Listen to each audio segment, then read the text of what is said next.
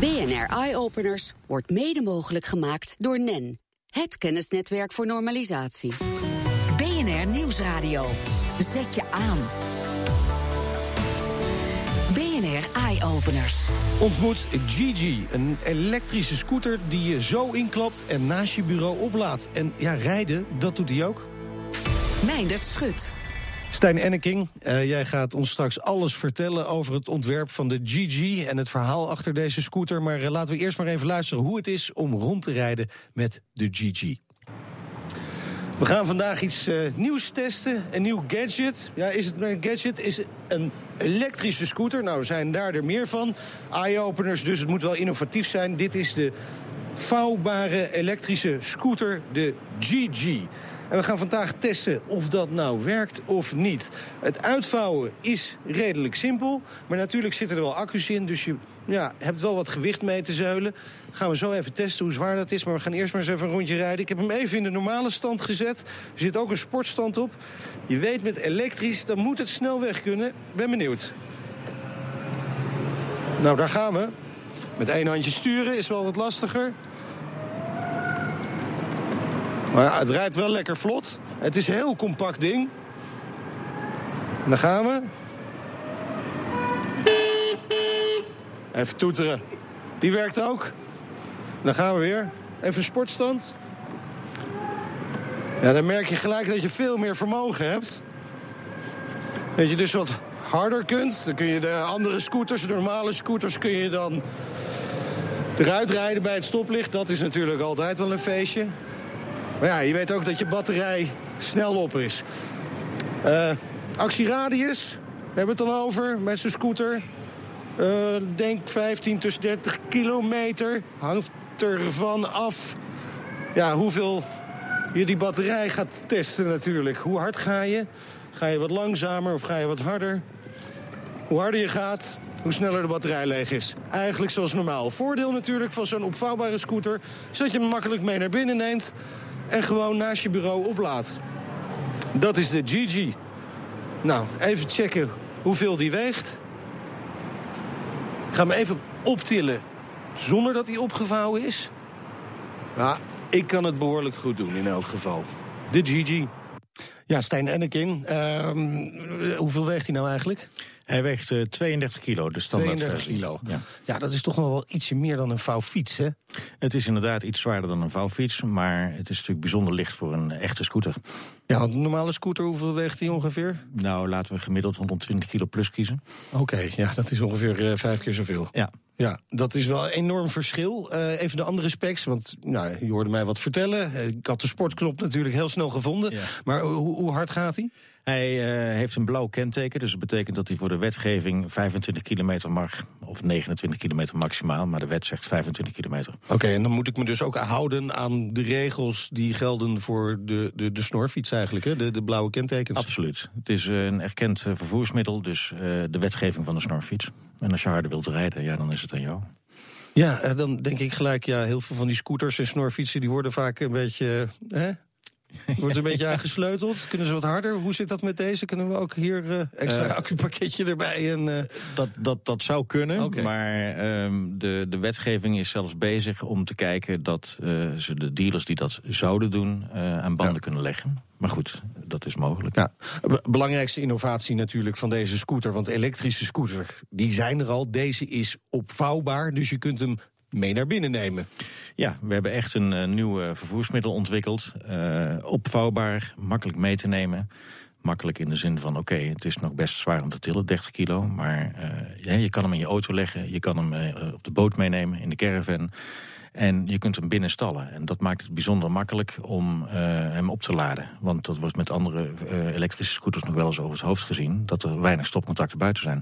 Ja, ja inderdaad, dat is waar. En, en qua ruimte, want je vouwt hem op... dan verwacht je ook dat hij aanzienlijk kleiner is in opgevouwen toestand dan een normale scooter. Hoeveel scheelt dat ongeveer? Kun je dat een beetje aangeven?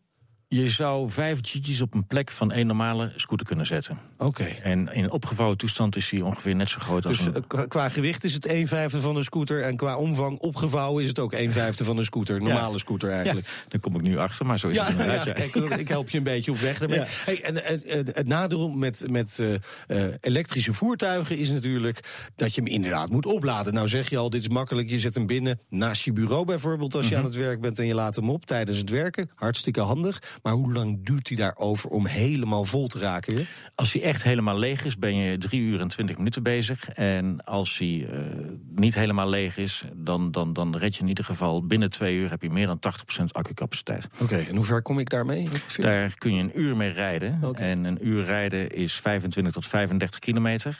Ligt aan eh, je parcours, de tegenwind, je gewicht. Ja, ja, er zijn heel veel variabelen, Ja. maar 25 kilometer met een scooter, dat is best redelijk. Dat is redelijk ver. Ik Ja. denk als je het praat over. Gemiddeld afstandje van een scooter, weet je dat ongeveer? Nee, dat eh, durf ik niet te zeggen. Maar ik denk dat iemand eh, die een scooter gebruikt... eigenlijk nooit langer dan een half uurtje op een scooter zit. Nee, van nee. bestemming naar bestemming. Nee. Nee.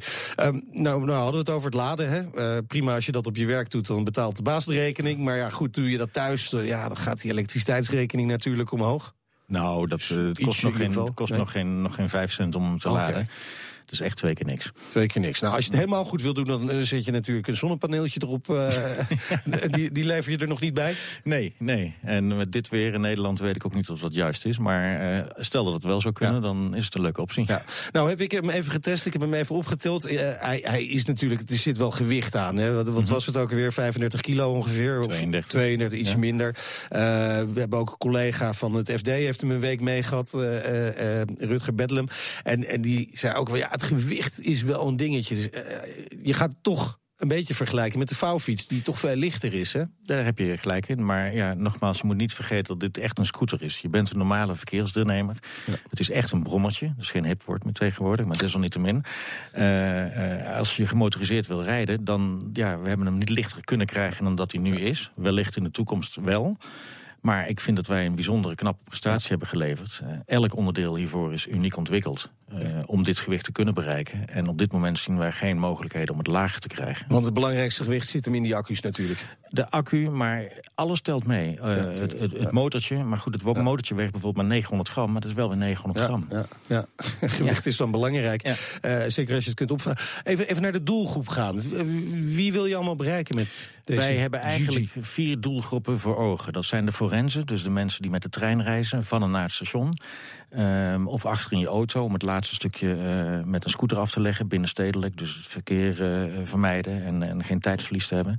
De tweede doelgroep zijn de recreanten, de boot, caravan en camperbezitters. En met name de camperbezitters verwachten wij veel Lekker van. je stokbroodje halen Ja. met eh, de elektrische Ja. vouwscooter. Absoluut, even snel. En je gaat lekker in de middag fietsen, maar in de ochtend even snel een boodschap doen met Oh de Gigi. De derde doelgroep zijn de stedelingen. Dus de mensen die toch een gadget willen hebben en een scooter veilig binnen willen stallen. Want je gebruikt hem niet veel. En als je je scooter in de grote steden met name buiten laat staan, wordt hij toch gestolen. Dus dit ding staat veilig binnen. En de vierde doelgroep zijn de bedrijven en allerlei deelvervoerconcepten. En daar hebben we uitgebreid in getest en daar is hij positief ontvangen. Nou, we zijn heel benieuwd wat het allemaal gaat doen. Eh, misschien is dit wel de grote innovatie op mobiliteitsgebied. We zullen zien wat de toekomst brengt. Ja, precies. Eh, nou, wil je nou mij in actie zien eh, op die GG... dan kun je dat straks ook doen op onze website bnr.nl. Bedankt, Stijn Enneking van de, eh, van de GG... voor de komst naar de studio. BNR Nieuwsradio. BNR Eye Openers. We kunnen commando's geven met onze stem. Doe ik heel eh, vaak achter deze microfoon. Maar ook met een gebaar. Dat doe ik ook wel eens hier. Maar het kan tegenwoordig ook met onze hersenen. De NeuroSky meet de activiteit in onze hersenpan. En met die techniek kun je van alles. Tijdens het eh, Media Bytes Festival in Amsterdam werd de ingenieuze headset gedemonstreerd. En Leon Krijnen, student aan het Media College, legt uit hoe het werkt. Ik heb de Gigi een paar dagen getest. Ik ben daar vrij Degene die wij wilden laten horen, dit is het wuiste bandje. Het is een beetje technische wizardry als het ware. Maar eh, het komt er ongeveer op neer dat er een sensor op je voorhoofd zit. Die eh, registreert hoe vaak je knippert met je ogen. Een sensor die eh, nou, letterlijk je hersenactiviteit meet. En een sensor die je hartslag meet. En die zit hier aan mijn oor. Ja. Nou, ik ben op het moment nog even bezig met het proberen dit werkend te krijgen. De software is ontwikkeld voor Windows 7. Dit is Windows 10, dus het heeft een beetje technische mankement op het moment. Maar net werkte het en... eh, kon ik het heel mooi testen. Dus met een paar seconden ga ik ervoor zorgen dat dit werkt. Loop ik ondertussen even met docent Ron Hartman naar buiten. Hoofddocent op het uh, Media College hier in Amsterdam. Hier treffen dus studenten en het bedrijfsleven elkaar. Wat kunnen bedrijven die hier nou rondlopen, die, die azen op dit soort technieken natuurlijk... wat kunnen zij hiermee? Nou, wat wij willen laten zien, het is niet alleen bedoeld voor gamebedrijven... maar ook toepassingen zoals studenten ze zien. Een reclamebureau bijvoorbeeld, die niet zo bekend is met die nieuwe technologieën die zullen misschien uh, hun ogen open gaan. Dus de, ja, het bedrijfsleven zelf is eigenlijk te oud om de, om de meest kerstverse ontwikkelingen te begrijpen. Ja, en deze jongens zijn veel opener om dwarsverbanden te zien. En kijk, de gamesindustrie die weet wel wat er aan de hand is met al die nieuwe technologieën. Maar er zijn ook heel veel mogelijkheden nu, bijvoorbeeld voor, voor, van, van medische aard om oplossingen zo'n Neurosky.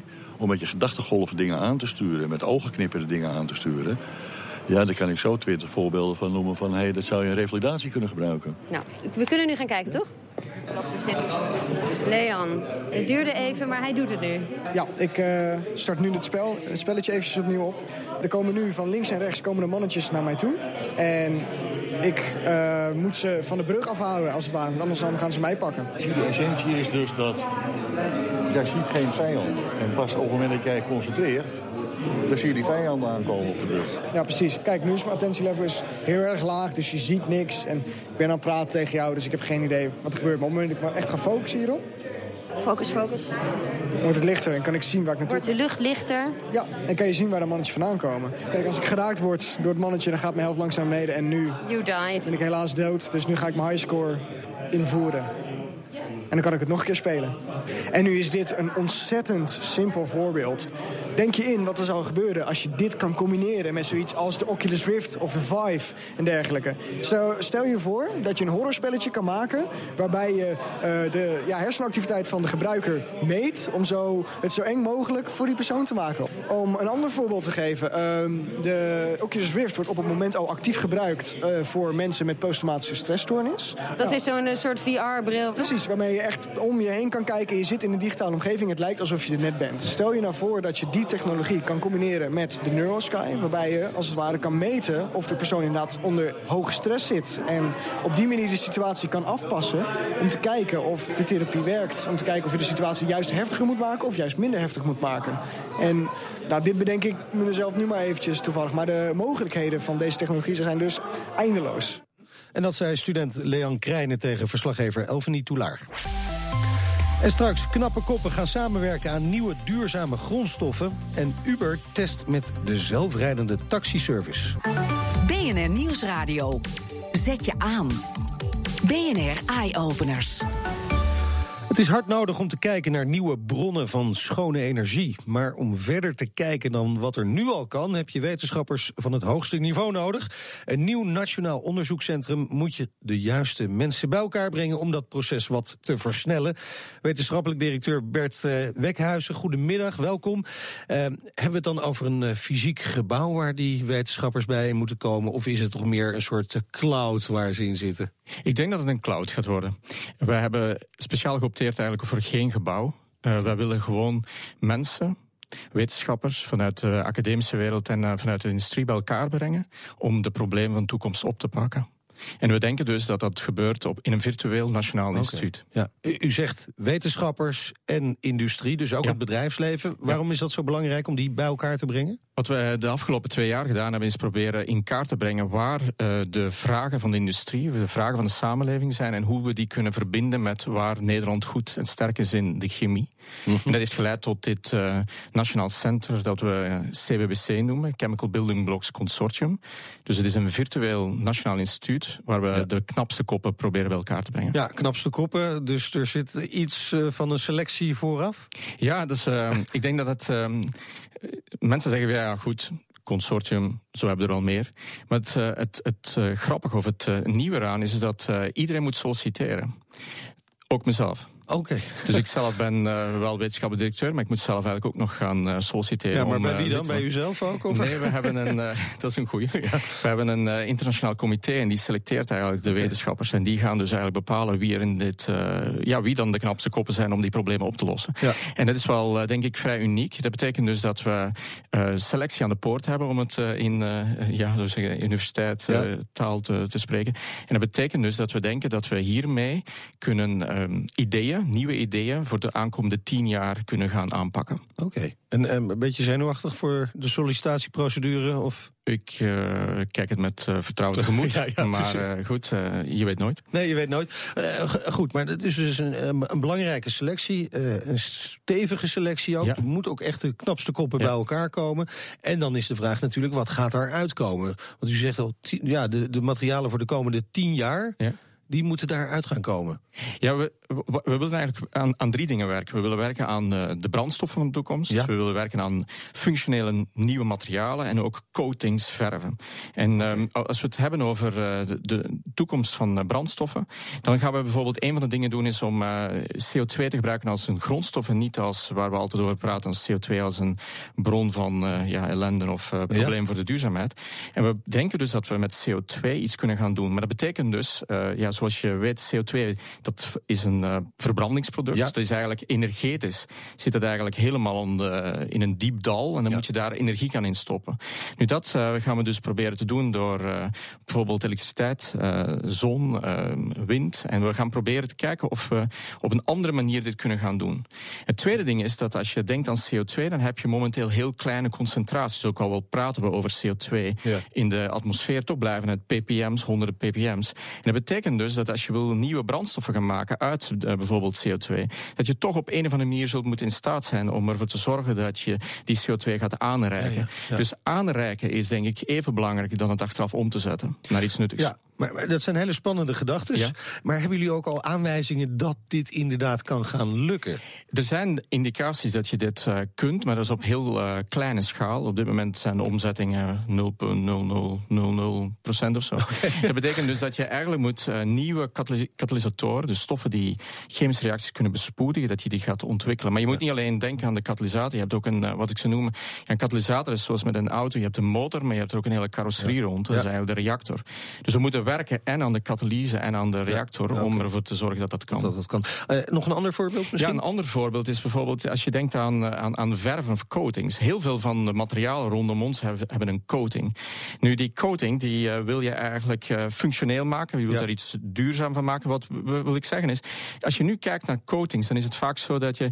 Zou het niet leuk zijn als je kunt bij 0 graden een schip kunt verven. En dat je direct, als je er naar kijkt, gewoon die verf op dat moment, gewoon die coating gewoon direct heel mooi zich vormt. Ja. Dat als je daar dat zou kunnen maken uit, niet uit eh, bijvoorbeeld aardolie, maar je zou bijvoorbeeld bepaalde meer duurzame grondstoffen, biomassa, et cetera, zou kunnen gaan gebruiken.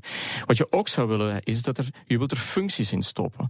Kijk, nu heb je materialen die bijvoorbeeld in, eh, in, in Japan heb je al coatings waarin katalysatoren zitten en waarbij je dus de luchtverontreiniging in de steden kunt aanpakken. Maar je zou kunnen veel meer denken aan eh, materialen die zich eh, zelf reinigen, die, eh, die functionele eigenschappen hebben en die daardoor eigenlijk direct wanneer je er een druk, een temperatuur of de zon laat opschijnen, dat er iets mee gebeurt. Als je dit hebt, dan denk ik dat je ook wel heel mooie nieuwe dingetjes kunt maken. En ook heel veel, eh, bijvoorbeeld als we denken aan het vorige item met de Gigi, dat je Ja. ook kunt denken aan lichtere materialen, functionele materialen. En dat is denk ik wel de toekomst. Dat we proberen te kijken hoe kunnen we nu nieuwe bouwstenen maken waarbij we nuttige, eh, duurzame eh, grondstoffen Ja. eh, producten kunnen uitmaken. Nou, dat klinkt in ieder geval heel erg inspirerend. Eh, dat centrum dat gaat er dus komen. Ja. In de cloud, ook heel erg Ja. innovatief in elk geval. Hartelijk dank eh, Bert Wekhuizen voor de komst naar de studio. Op onze website bnr.nl slash eyeopeners vind je een linkje naar de site van het onderzoekscentrum. Daar vind je dus ook meer informatie over hoe je bijvoorbeeld daar moet solliciteren. BNR Nieuwsradio. BNR Eye Openers.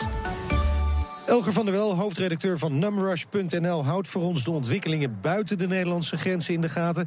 Elger, eh, jij bent niet in de studio, waar ben je wel? Ik ben op uh, ja, de, eigenlijk het hele kick-off event van, uh, van Startup Fest Europe voor deze week is. het is op dit moment bezig in Amsterdam. Juist de focus heel erg op, op, op Nederland. In tegenstelling tot onderwerpen die ik okay. met je wil bespreken. Nou ja, laten we dan maar gauw de grenzen overgaan. we beginnen bij een telefoon die perfect aan iedereen's wensen kan voldoen. Vertel. Ja, Google is al een uh, lange tijd bezig met het ontwikkelen van een modulaire smartphone. Project ARA heet dat. Um, het idee is eigenlijk dat je een basistelefoon hebt met gewoon een scherm, een processor, alle, alle dingen die je echt nodig hebt in een telefoon, accu.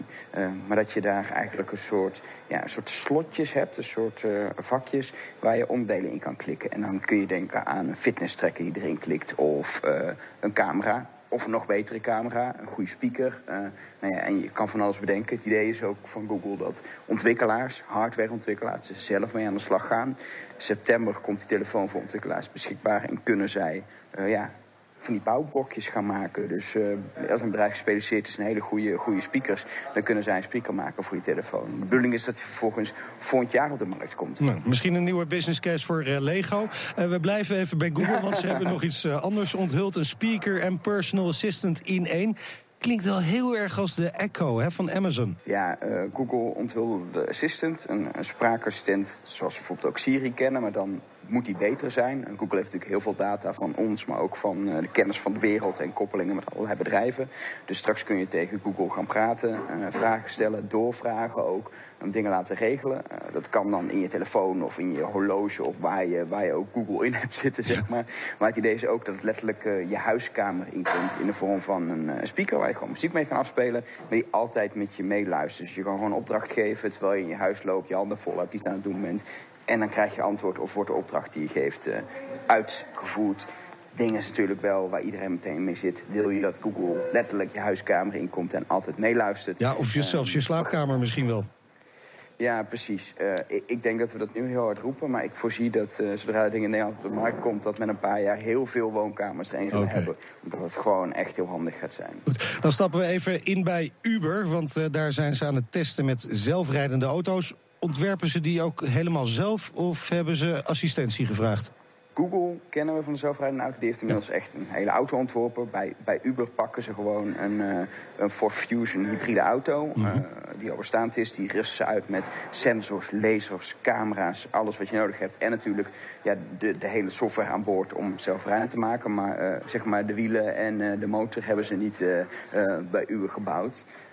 Het idee is natuurlijk, uh, waarom ze dit doen, is uiteindelijk dat uh, zelfrijdende auto's veel experts verwachten in eerste instantie niet iets is wat wij als mensen gaan kopen. We zien eerder dat je functies krijgt zoals uh, verschillende fabrikanten, onder Tesla nu al in de markt zetten, je even op de snelweg zelf kan rijden. Maar dat de volledig zelfrijdende auto in eerste instantie meer een dienst wordt, een soort taxi. En het schijnt dat Uber daar wat mee doet. Gek genoeg wel, hè? Ja. Uh, we, ja, blijven, ja. we blijven even op de weg. Laatst hadden we al een elektrische motor in de uitzending, maar er is nu ook eentje die uit de 3D-printer is gekomen. Ja, het is, uh, het is een project uh, van, een, uh, van een dochteronderneming van de vliegtuigbouwer Airbus. Die hebben een motor ontworpen, die wordt geprint van aluminium. Echt heel licht is. Het frame weegt geloof ik een kilo of 13. Nou, daar komt natuurlijk wel een accu, een motor, wielen bij. Dus dan wordt hij iets zwaarder. Maar nog steeds kun je hem gewoon optillen. en er is een motor gemaakt die daadwerkelijk 80 km per uur kan. Die ook lekker snel kan optrekken. dus het is echt wel een, mooie motor. Weet je, je gaat er niet te snel mee op. Maar het is een leuk ding. Helemaal elektrisch. Uit de 3D-printer worden er 50 van gemaakt. Dus het is uh, vrij uh, limited edition. Dat werkt bij sommige mensen waarschijnlijk uh, de behoefte op van hebben, hebben, hebben. Ja, ja. Moet je wel 50.000 dollar voor over hebben. Voor een motor is dus dat dan ik, wel weer heel veel geld, heb, hè? Ik heb even ingelogd op internetbankieren, maar ik denk dat ik over moet gaan. Oké, okay, dankjewel. Elger van der Wel, hoofdredacteur van numrush.nl. En op uh, onze geel vernieuwde website uh, bnr.nl vind je nog veel meer innovaties met impact. Op Twitter vind je ons via BNR Eyeopeners. En uh, heb je nou zelf iets leuks gezien of bedacht? Stuur dan een mail naar eyeopeners.bnr.nl. Dat was hem voor nu. Tot in de toekomst. BNR Eyeopeners wordt mede mogelijk gemaakt door NEN. Het kennisnetwerk voor normalisatie.